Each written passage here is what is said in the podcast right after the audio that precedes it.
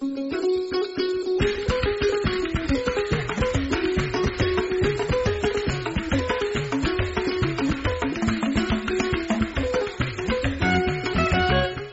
salamu alaikum. Taɓarɓarewar tsaro a jihar Zamfara da ke arewa maso yammacin Najeriya abu ne da ya daɗe yana ci wa 'yan Najeriya tu a ƙwarya. Lamarin da aka daɗe yana ɗaukar matakan ganin an samar da zaman lafiya tun daga matakin gwamnatin tarayya zuwa gwamnatin jiha da ƙananan hukumomi. Duk kuwa da matakan da ake ɗauka na jirge sojoji da sauran jami'an tsaro har yanzu ana ci gaba da samun asarar rayuka a kullum musamman a yankunan karkara inda ake kisan su tare da ƙona gidajensu da sace dukiyoyinsu abin tambaya a nan shine shin ta wace hanya za a iya samu kan wannan matsala ganin cewa tsirarin 'yan bindigar da suke aikata wannan aika-aika har yanzu wasu na cikin al'umma wasu kuma suna cikin jeji A makon da ya gabata mun fara kawo muku hirar da filin ciki da gaskiya ya yi da wani makiyayi da ya ce ya tuba daga aikin ta'addanci a yankin Zamfara da ma jihar Nasarawa. Mutumin da ya shigo shirin nan ne domin bayyana yadda rayuwarsa ta gudana a baya. Da kuma ta yi ga jami'an tsaro domin su samu su zauna da shi don samar da bakin zaren kashe mutanen da aiki da ƙona garuruwa da ma sace mutane don kuɗin fansa. Yanzu dai ga ci gaban hira Abakar Usman da aka fi sani da Shumo. suna Nasir Fili Hashin Gumel.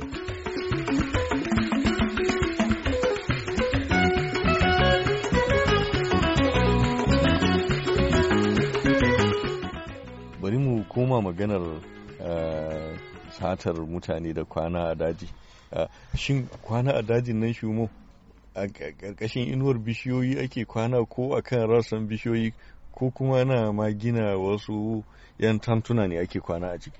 akwai masu gina tantuna akwai waɗanda za su je su share wuri su zauna su mai da wurin gidansu sai dai a hita aje yawo duk inda za a je nan za a dawo na ya zama masu kamar gida daba ne amma sun mai da wurin nan kamar gidansu dare da rana akwai masu kula da wurin nan akwai masu escom in aka hango wani bako kafin ya iso ma dama wataƙila an gama da shi. To duk inda ka ga irin wannan zama ai anytime dole a samu masu escom wurin nan. Wai masu kula da wurin nan duk abin da ke shigowa da dawa to su ne suna kula da wannan gurin. Ni dai babban shawara ta a yi haƙuri a yi haƙuri a zauna a yi shawara a gane yadda za a hito abin nan fushi dama fushi kayan shaidan ne. Babu yadda za a yi kana yaƙan mutum bai san abin da don saboda rikici ne wannan. Amma ka faɗa ma mutum ga dalilin da ya sa dama an ka halatta jini ne to wataƙila in Allah Ubangiji ya shirya da waɗannan mutane to za su fa bari. Yana a bi su dai a samu dai malamai waɗanda za su bi suna masu wa'azi a ja hankalinsu wataƙila Allah Ubangiji ya kawo muna wannan ya yaya muna wannan bala'i. Don saboda da in ka diba asalin asalin filani da bahaushe ba ba su gaba da juna. Bahilla ce da bahaushe duk wanda ya tashi kowa a tare an ka tashi tare an ka girma to ina an ka samu wannan bala'i yanzu? Don saboda haka ne babu abun da nake shema wannan gwamnati a yi haƙuri wa'annan mutane a neme su ta ruwan sanyi. Idan an kashe wallahi hanyar hillanci hanyar musulunci za a bi. To wallahi tallahi za mu taimaka iya taimakon da za mu yi yanda za a yi ƙasar nan ta zauna lafiya. Don saboda wannan abun ba shi gaba ba ne kuma ba alheri ba ne. Kuma ba abin da zai haifar muna ɗa mai ido ba.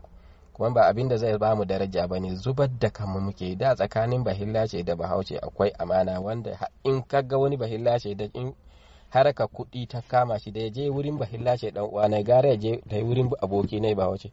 Don saboda kowa ya gama sanin sirrin kowa. Ya tabbatar da yadda wancan bahaushe zai yi ƙoƙari ya taimake shi ya ruha mai asiri kila wataƙila inda dan uwansa ne na jini ko wani abokinsa ko kuma yarensa ba zai taimaka mai haka ba. Domin muke da kyakkyawan ɗabi'a addinin mu ɗaya babu abin da ya raba mu. Wannan bala'i ne ya zo ya shiga tsakanin mu. An ka haɗa mu faɗa tsakanin mu. An ka sa muna yaƙar juna. Ana ƙone rugage. Su ko su hau babura su je su kwanda mai gari ga baki ɗaya. Kaga waɗannan abubuwa duk fararrun abubuwa ne kuma ya kamata a tsaya a yi tunani mai kyau a wannan guri tsakani da Allah. Shi mu abin da zan ce idan muka duba abubuwan da suke faruwa da kake ka kawo magana addini ina da labarin cewa za a iya ma sace mutum waɗanda suka sace shi har ma a yi alwala a yi sallah tare da su kuma wai ma wai suna yin sallah. Duk wanda yake yin sallah don ya shiga sata ba za ta hana shi yin sallah ba. Mai azumi sata ba za ta hana shi yin azumi ba. Amma akwai waɗanda ba sa yi kwata-kwata. Wani in yana cikin wannan ƙungiyar sai ga to ko da ya sallah dai kamar yana ganin aikin banza ne bari ya haƙura da azumin da sallar duk gaba ɗaya sai ya rafke ya aje. Wato dai akwai waɗanda duka da da kashe mutanen da sata har yanzu suna jin Allah zai musu rahama shi yasa suke yin sallah su yi azumi. A to shi Allah kam akwai mai yanke ƙauna daga neman rahama. Su ma inda Allah Ubangiji zai sa su ba abun nan don Allah. Duk mutumin da ya ba abu don Allah tsoron Allah ya sa ka ba wani abu to kai kana da rabo ila duk mutumin da ya ba abu don Allah don jin tsoron Allah Allah ya ce wa amma man kafa maqama rabbihi wa naha nafsa anil hawa. Aje a diba malamai su fassara maka ayat da kyau. Mi Allah Ubangiji ta'ala sarki yake nuni. Allah ya ce duk mutumin da ya ji tsoron Allah don girman Allah ka ji tsoro ka ba saba mai. To lalle ana da rabo a cikin gidan aljanna. Amma duk mutumin da ya kuma shi gaba da girman kai wa amma man dan gafa wa asarar hayatar duniya duk mutumin da yake da girman kai to lalle ƙarshen sa zai zai mugun makoma. Allah shi muna tsari daga mugun makoma ko. To shi mu ko kai limamin barayin ne ka a ni ba limamin ba ne ni ba kowa ba ne ni dai Allah Ubangiji ya jarabce ni da wannan haraka kuma na riga na batta wallahi kuma barin da ni na bacci tsakani na da Allah kuma ban jin tsoro kuma ban bakin ciki wai in faɗa ma duniya cewa da ni wannan Allah ya jarabce shi da wannan kuma yanzu na bari. Don saboda mi na ga abun nan ba alheri ba ne kwata kwata kwata babu alheri. Don saboda akwai abubuwa waɗanda suke nuna cewa duk mutumin da ya mutu yana ha'inta wani to tabbasi in ya shiga wuta ya shiga kenan har abada abadi. Akwai abin da ya faru a jihar zamfara tsakanin buharin daji da mutanensa. Mutumin na ya yi suna sosai yana da dukiya yana da ƙarfi yana cewa ko da bayan rayuwarsa wata hira da na ji abin da yake yi ɗin nan za a ci gaba da yi. To sai kuma ya zama shi da mutanensa ne aka yi faɗa kuma har ya rasa ransa. Lalle buharin daji ya tara mutane daban-daban kuma daga cikin yaransa wanda aka ce ma dogo gida shi ya halbe shi. Kuma dalilin zuwa dalilin ta yasa lahira sakamakon akwai takaddama wadda ta shiga tsakaninsa da dogo gide saboda shi buharin daji shi ya tura yara an ka je an ka koro shanun gidan sarakan dogo gide dogo gide ya ce yanzu tsakaniya da kai tsoho duk tare na da kai kai za ka tura yanzu a je gidan sarakai na a koro shanu kuma daga cikin koro shanu har an kashe mutum a gidan. Dalilin da ya sa shi dogo gida ya hau fushi kuma ya halbe shi. Kuma har yanzu yaran buharin daji suna nan kuma ko su inda za a roƙe su bisa ga hanyar hillanci in sun ka gane cewa ba za a shi amanar su ba to wallahi tallahi ina tabbata maku cewa tabbas za su shigo cikin wannan gwamnati kuma za su ba da haɗin kai. Kuma inda za a samu kamar irin su dogo gide kamar irin su ire-iren su dai ga su nan dai ni ba zan iya ci gaba da faɗin su ba. Akwai manya-manya daga cikin su akwai kana da su da yaran su da manyan nan za su yadda su ce yau a bari to za za a bari.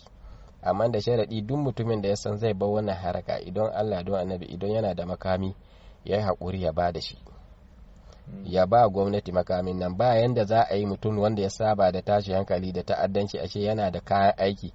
Ka ɓata mai rai ya dawo ya haƙura. Ko da ya ce ya hankuri daga baya zai ɗauki mataki. Don saboda yana da abun da yake ganin zai iya je ya shirya makansa reni. Don saboda haka hukuma in za a yi bincike a shi gaba da binciken waɗannan mutane sannu a hankali su ba da makaman nan. Dama babu abin da yake sa ana wannan takaman wannan makamin ne. Dama duk mutumin da ba wanda ya ba su matsayi makaman nan su ne matsayinsu kuma da su suke wa mutane barazana. Duk mutumin da bai da makami dole na ya haƙura. Yanzu kamar yadda muke hirar nan da kai ko kana son yi min fashi wataƙila da yake baka da makami ba za ka iya ba. Ai ba zai yiwu ba to ba zai yiwu ba. Duk mutumin da yake taron hanya da sanda in ya riƙa bindiga to bala'i ya afko ga wannan yanki. Duk mutumin da yake satar da bindiga duk da ya rasa bindiga nan to dole zai haƙura don saboda yana gani bai iya jefa rayuwa ta cikin hatsari. Don yana ganin ya tahi ba bindiga a tare da shi ya je ya je zai yi face abin ba zai yiwu ba. Duk mutumin da yake sata da faskare icce don ba sai sanda don akwai masu yi da katako. To da duk ya samu bindiga sai ya hana ma anguwar garin zama lafiya kwata-kwata. Don saboda yana ganin yanzu ya samu ni babban matsayi sakamakon wannan makamin da ya riƙa